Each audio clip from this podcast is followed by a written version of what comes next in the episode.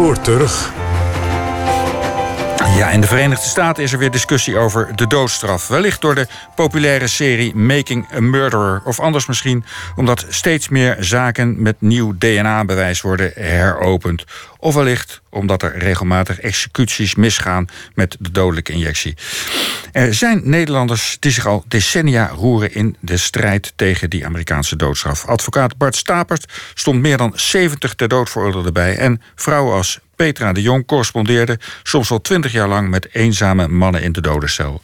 Over deze vrouwen schreef Linda Polman Death Row Dollies. En Linda Polman leidt Jacqueline Maris rond in Huntsville, Texas, het heartland van de doodstraf, waar bijna een derde van alle executies in de VS worden uitgevoerd. Op de Joe Bird Cemetery komen de gevangenen terecht die niet door hun familie worden opgehaald. Luister naar Tot in de dodencel.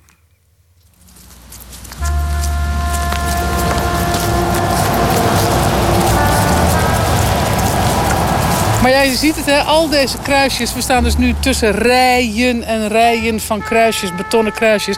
Je kunt nergens meer iets oplezen. Het is helemaal verdwenen, die, eh, die markering. Dus je weet niet meer wie dit zijn.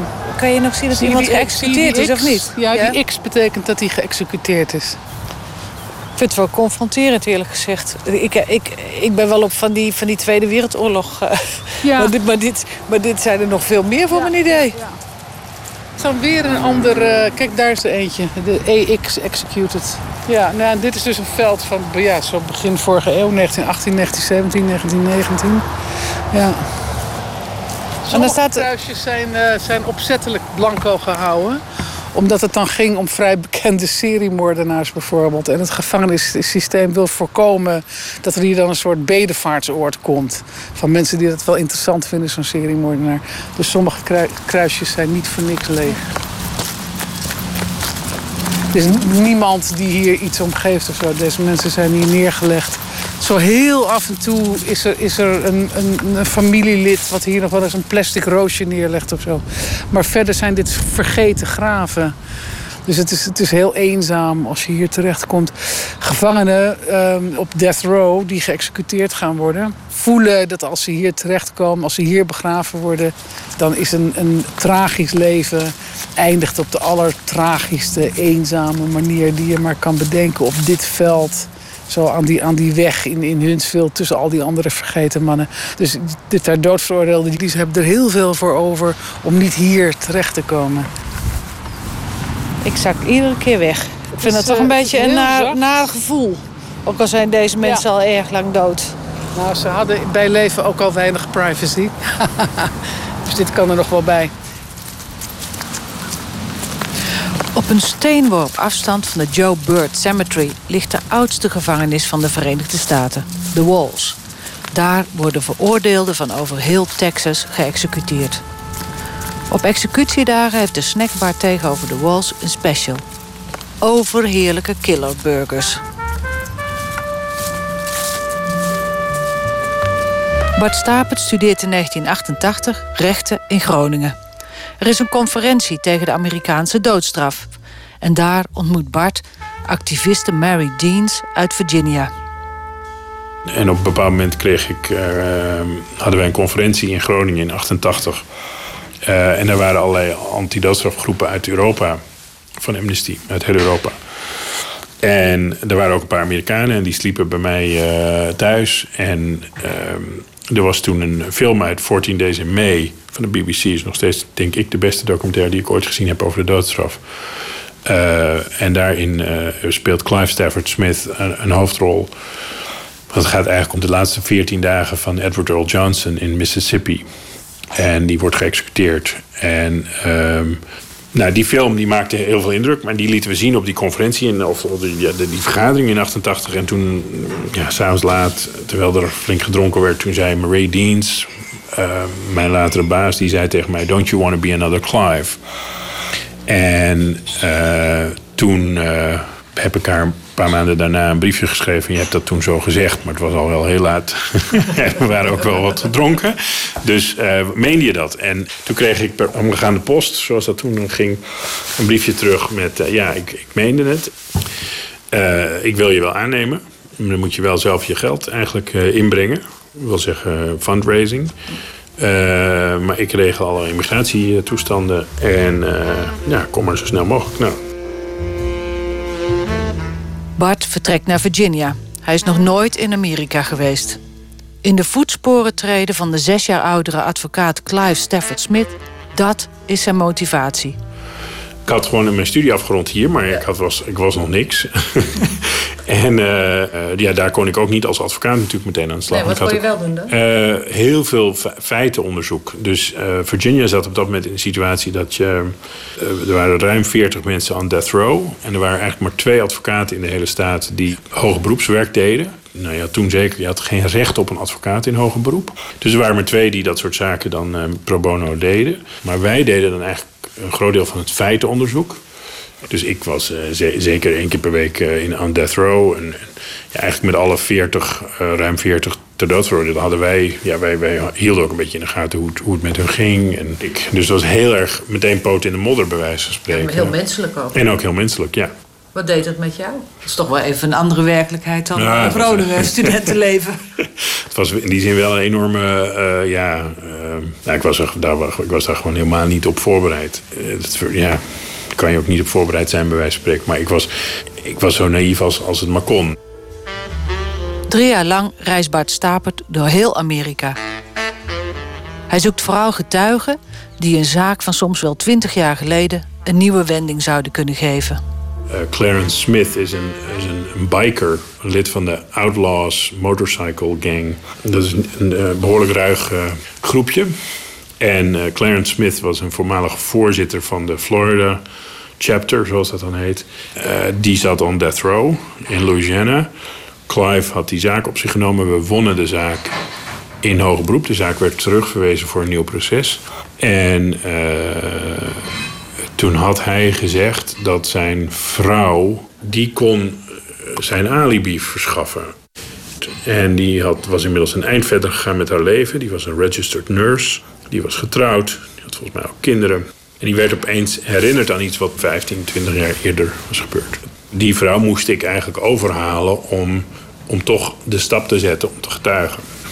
Dat, dat, dat beschouw ik wel als zeg maar, de, de hoogtepunten van mijn eigen werk dat ik met heel veel moeite zo'n vrouw uiteindelijk toch zover heb gekregen met dat ze niet alleen de waarheid sprak, maar ook bereid was om die waarheid in een rechtszaal te, te uiten. Tijdens het proces werden haar moeilijke vragen gesteld. En die prosecutor die dacht dat hij haar had hij zou haar dus onder, proberen te ondermijnen. En toen ging hij eerst vragen over of zij ook als danseres had gewerkt in, in een strip joint. Nou, ging hij dat helemaal inleiden. Van ja, het is toch vaak zo dat die, uh, die motorcycle gangs die krijgen hun geld via die vrouwen. En die worden, werken dan in de prostitutie of in de stripbars. Nou, dat gaf ze toe. Vuurrode kop, wij spreken. En die prosecutor dacht, oh, nou heb ik haar. Maar wat hij niet in de gaten had, is dat, dat doordat zij daar zo eerlijk over sprak, die jury, die, ja, uiteindelijk maakte haar alleen maar sterker. Het was heel duidelijk dat zij daar niet over wilde praten. Maar toch, toch was ze eerlijk. Nou, toen ging hij nog even door, want toen dacht hij, nou, nou heb ik er. Toen ging hij ook nog vragen of ze of cocaïne had gebruikt. Nou, dat gaf ze ook toe. en hij dacht, nou, ik heb haar ondermijnd als getuige. En uiteindelijk ja, kwam die jury heel snel terug. Want dat was grotendeels door haar getuigenis. En, en, en Clarence Smith is ook vrijgesproken van die moord, omdat dat alibi-bewijs ook overtuigend was. Dus die jury die heeft er een kwartier over gedaan en zo. En toen, kwam, toen kwamen ze naar buiten. Vijftien jaar later? Misschien wel meer. Dat was echt een lange tijd later. En zij moest gewoon een enorme stap zetten om dat te doen. Dus als ik het heb, hè, je vroeg van, uh, nou wat is jouw rol? Mijn rol zit hem bij wijze van spreken dan in uh, het, napluizen van 30 adressen. En, uh, en, en de vasthoudendheid. En uiteindelijk ook gewoon wel de, nou, het geloof. Want daarbij word je op een bepaald moment word je ook bij wijze van spreken moe en gefrustreerd. En, en, maar het geloof dat je dat moet doen om uh, een beroepsgrond te creëren... waarmee je misschien iemand van death row krijgt. Een zaak die ook in Nederland in het nieuws komt in 1992... is die van de ter dood veroordeelde Sam Johnson... Clive Stafford Smith is de advocaat. Bart Stapert was nauw betrokken bij het onderzoek. Dag dames en heren, goedenavond. Welkom bij Brandpunt. Sam Johnson is 50 jaar en heeft er nu bijna 11 jaar op zitten in deze dodencellen in Mississippi. In 1982 werd Johnson samen met drie anderen opgepakt wegens de moord op een politieagent. De drie andere verdachten kregen gevangenisstraffen. Maar Johnson werd op grond van de getuigenis van één van hen veroordeeld tot de doodstraf. In de staat Mississippi betekent dat de gaskamer. The death row experience in its entirety is it's just it's as close to hell as man can make an experience be. Op vrijdag krijgt de jury de zaak in handen, maar kan niet tot een beslissing komen. Zaterdag is het zover. Doodstraf of levenslang voor Sam Johnson. We mogen in de rechtszaal niet filmen, maar het lukt ons wel het geluid op te nemen. De doodstraf wordt, mede door Bart Stapens onderzoek, en levenslang omgezet. Oh, we feel so good. It's over with.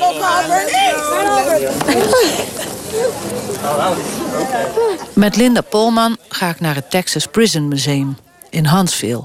Hier staat de originele en enige elektrische stoel van Texas, bijgenaamd Old Sparky. 361 mensen stierven op Old Sparky. Old Sparky heette hij, ja. Dat was Texas uh, elektrische stoel. 1924 was de, was de allereerste. Dus dat is, en dat heeft geduurd tot 1976. Even kijken, waar staat hij dan? Voilà, tata, hier staat hij. Achter een touw. Want toen dat touw er nog niet hing, toen gingen mensen erop zitten. Of die zetten hun kindertjes erop voor de foto. En in Amerika, de allereerste executie op een stoel was in 1890. Dus uh, dat was in New York. Uh, dus het heeft nog vrij lang geduurd voordat elektriciteit de staat Texas bereikte. Ja. Eerst was er alleen maar het vuurpeloton, dat was in de tijd van de cowboys. En toen kwam de galg, nou dat was het juf van het. En toen kwam elektriciteit, werd uitgevonden. Uh, toen hebben ze de elektrische stoel ingevoerd, want dat was zo modern. Hè? Om iemand aan, aan zijn, naar zijn einde te jagen op, met elektriciteit, weet je wel. En dat keurig op een stoel ook nog. Dus dat was op een waanzin, weet je. Het gaat steeds gaat het weer om hoe ziet het eruit. Ja, maar in ja, 1890 al is de eerste executie met... Met elektrische stoel geweest, ja. Dat was, vond men mooi. Meteen de allereerste executie op de oh, elektrische stoel is fout gegaan. Hè? Ja, meteen. En ze hadden iedereen uitgenodigd om erbij te zijn. Dat was dus gewoon in het openbaar, op het dorpsplein was dat. En uh, het ging prompt fout. Ze hadden hem vastgebonden op die stoel.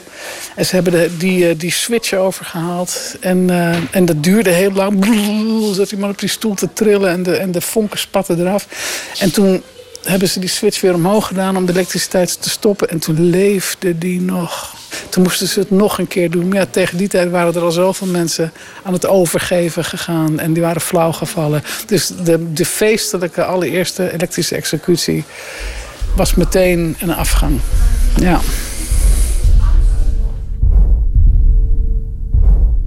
In de Amerikaanse grondwet staat dat cruel and unusual punishment verboden is. Zeg maar straffen die onnodig vreed en buiten proporties zijn. In de jaren 60 kwam er steeds meer kritiek op dood door elektrocutie. En uiteindelijk riep het Hoge Rechtshof in 1966 een moratorium op de doodstraf uit. Toen kwam de dodelijke injectie. En dat was volgens de hoge rechters een humanere manier van mensen doodmaken. Het moratorium werd in 1976 opgeheven. Maar ook de dodelijke injectie blijkt niet perfect. Dat vergt nogal wat van degene die dat infuus aanlegt. Om dat goed te doen en om dat, en om dat, om dat goed te laten verlopen. Artsen, verpleegkundigen, mensen die infusen kunnen aanleggen... die mogen niet meewerken aan executies. Omdat dat tegen hun medische eet indruist. Dus al die executies, al die infusen... die worden aangelegd door cipiers. Door amateurs, door mensen die dat helemaal niet kunnen. Dus vaak is er misgeprikt. De naald zat niet in een ader, maar die zat dan in het weefsel ernaast. Er zijn executies geweest die hebben 2,5 uur geduurd. Dus ook die dodelijke injectie is uiteindelijk niet goed gegaan. Maar daar gaat het niet om. Het gaat erom dat er geen bloed vloeit en dat mensen in slaap zakken. Het liefst nog vriendelijk wuivend naar de getuigen. En dat iedereen tevreden naar huis kan. Dus dat is het. Het gaat om een cosmetisch laagje over die barbaarse praktijk.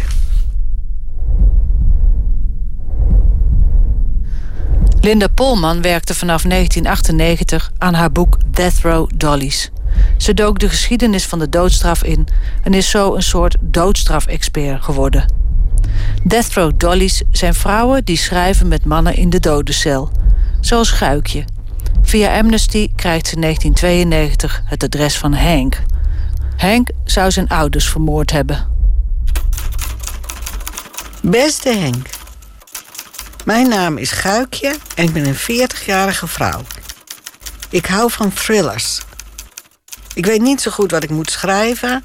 Misschien wil je helemaal niet met me corresponderen. Dus ik wacht of ik antwoord krijg.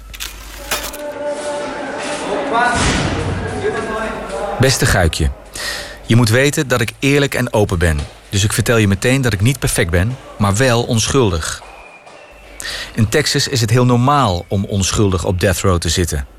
Texaanse aanklagers zijn in staat om zelfs een broodje ham voor moord te laten opdraaien. Het rechtssysteem is hier door en door verrot. Als je elke week een brief van me wilt ontvangen, heb ik 10 dollar per maand nodig voor postzegels, schrijfpapier en enveloppen. Ik ben namelijk blut. Ik kijk uit naar je volgende brief. Beste Henk, ik stuur je een foto zodat je kunt zien tegen wie je het hebt. Je ziet me voor een drogisterij staan. Daar werk ik. Hoe ziet je cel eruit? Heb je een foto? Lieve Guikje, een foto van mijn cel heb ik niet, maar ik kan hem voor je beschrijven. Stel je me voor als een slachtvarkentje, opgesloten in een betonnen hok waarin ik mijn voedsel en water krijg en mijn behoeften doe. Alleen het stro op de grond ontbreekt. Haha. Mijn cel is 2 meter breed en 3 meter diep. Er staat een aluminium wc-pot in en boven die pot hangt een aluminium wastafel. Een stoel mogen we niet hebben. Zitten doe ik op mijn zogenaamde bed. Een stalen plank met een dun matrasje erop. Dus dat hou ik niet lang vol. De enige andere plek om te zitten is de wc-pot. En zo schrijf ik mijn brieven aan jou, zittend op die wc-pot. Joe, Henkie. Wat heb ik je aangedaan? Je hebt me al twee weken niet geschreven. Voor de 240 dollar die ik je stuurde... kun je toch wel een postzegeltje kopen? Ga je vreemd? Pas op hoor, want ik ben erg jaloers. Haha. Ha.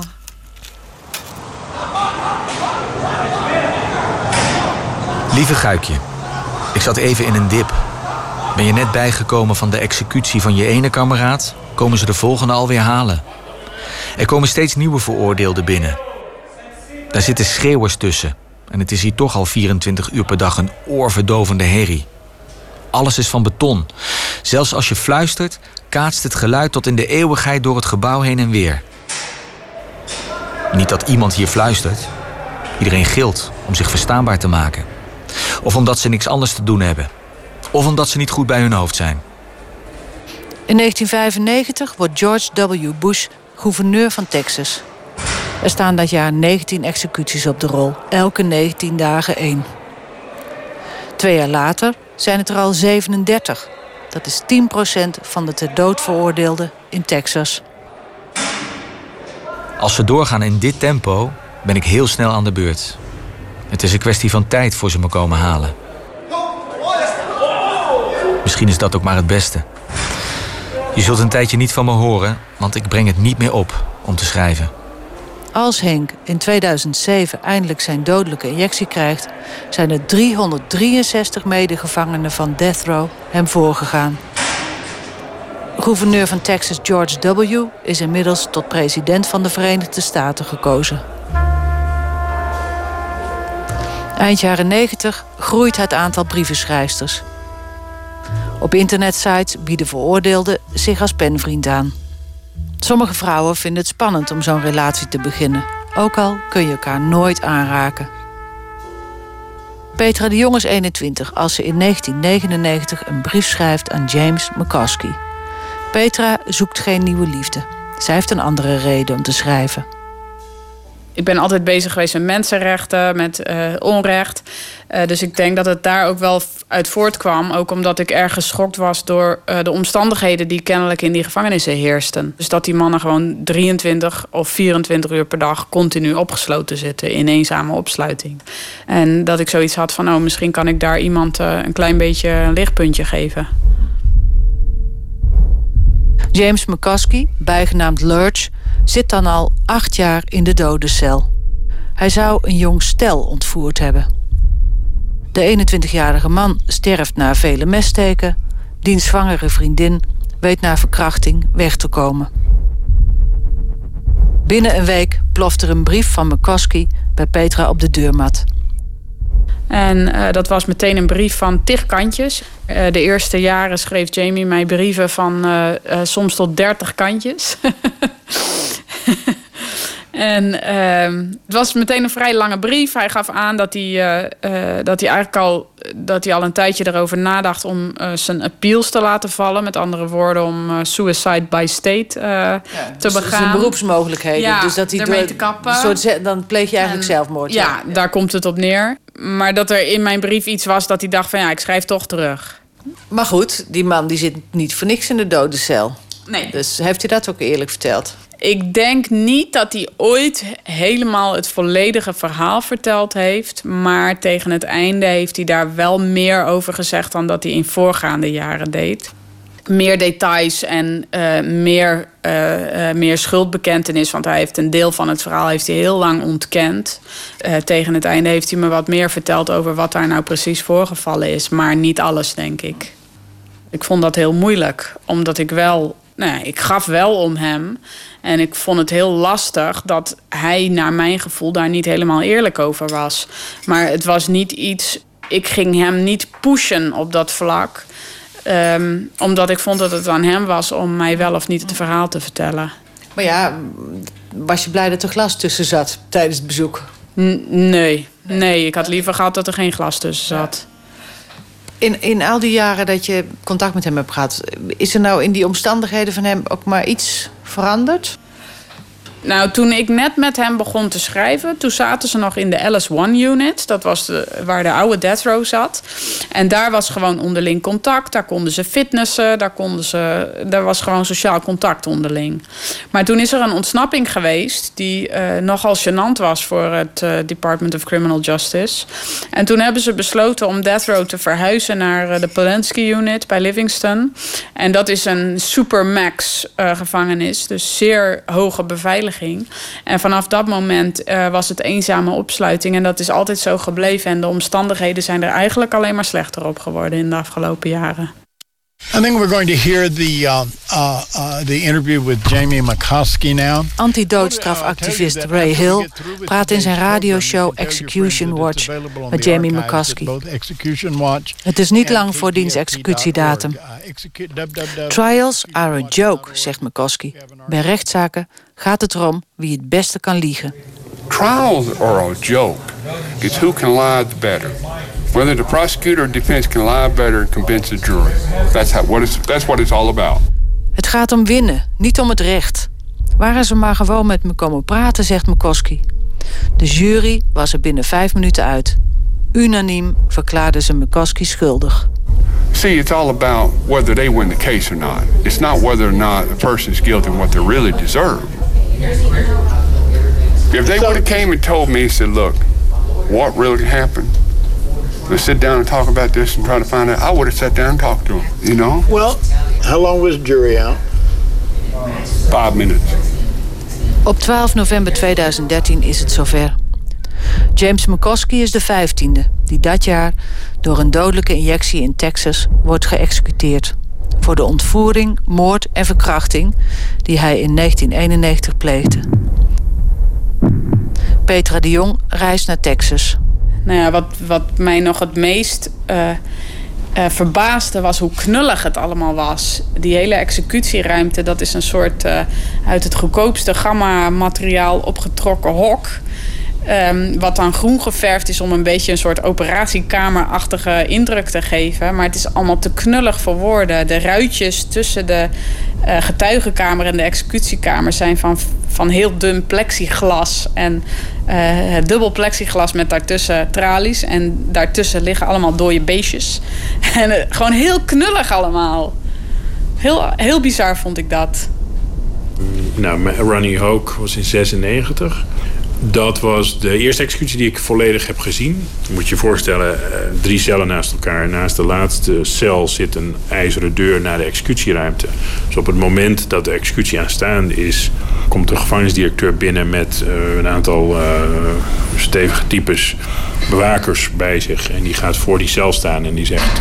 Ronald Lee Hoke, you've been sentenced to death at a time to be determined by the Department of Corrections. And that moment is now. Or right after six, I'd go over to the cell and tell them to come with me, and the officer would unlock the door to the cell, and I'd tell them follow me. Jim Willett was van 1998 tot 2001 gevangenisdirecteur van The Walls. Hij was bij elke executie. I dealt with 89 people in those three years. Jim Willett ging de veroordeelde voor de executiekamer in. I'd be the first one to go into the death chamber. I'd turn around and the guy would be right behind me, and I'd say, you know, lie down up there on the with your head at that particular end, and they and they did. De meeste gingen gedwee de brancard op, zegt hij. Out of the um, 89, 86 of them uh, literally walked on their own with nobody touching them or assisting them or forcing them from their cell into the death chamber. Strange, isn't it? Yeah. Would you, I- I think- would you cooperate? No, I, when I had the one guy that told me, he says, you know, I'm not going to kick your officers or hit them or anything like that, but I'm not walking in there so that y'all can put me to death. Uh, my response to him was, I, I don't have a problem with that. I might do the same thing if I were in your shoes, you know. Eh, dan wordt hij eh, door die bewakers geboeid en eh, wordt hij eruit geleid. En dan lopen wij naast hem door die deur de executieruimte in. Pastor en ik. Ja. Wij, wij, leggen allebei, wij hebben allebei een, eh, een, een, een hand op, op zijn schouder. Er komt een, kamer binnen en hij moet dan naar de executietafel. En wij worden in die kamer zit een, een, een, een, een glazen vitrine, zeg maar, waar dan de, de getuigen in zitten. En daar worden wij naar binnen gebracht. The number one reaction to walking in the chamber was people were so surprised at how small it was. You have the person kind of spread eagle as far as the arms are concerned out. Eh, als je binnenkomt zie je hem op een tafel liggen. eh, ehm, bijna een soort eh, Christus aan het kruis. Met zijn armen gespreid, vastgebonden op, op plankjes die vanaf die brancard naar buiten toe gaan. One side you can barely get by that person's, uh, it would be his left arm. And on the other side, you may have three or four foot of space. Just not very big room at all. Eh, het moment dat je binnenkomt eh, is als ze verder helemaal klaar ervoor zijn, zeg maar. Dus dat vastbinden, dat gebeurt voordat je er bent. En ehm, dan gaat de gordijn dicht. En dan wordt hij vastgesnoerd. Een microfoon boven zijn hoofd. Gaat het gordijn weer open, dan zien wij hem liggen. Dan mag hij zijn laatste woorden spreken. Zijn laatste woorden waren dat hij, eh, ondanks zijn omstandigheden, de laatste jaren de, beste van zijn leven waren geweest. Eh, eh, daarbij gaf hij aan dat dat was omdat hij mij had ontmoet. Dat hij, het, dat hij de, de tijd niet wilde terugdraaien, maar dat hij wel graag had gewild dat hij het leed wat de ouders van die jongen, dat hij dat graag zou willen wegnemen. En ja, dan hoor je een soort klik. Waarmee, waarmee je dan weet dat het gaat lopen. Maar dat, zie je, dat kun je eigenlijk niet goed zien.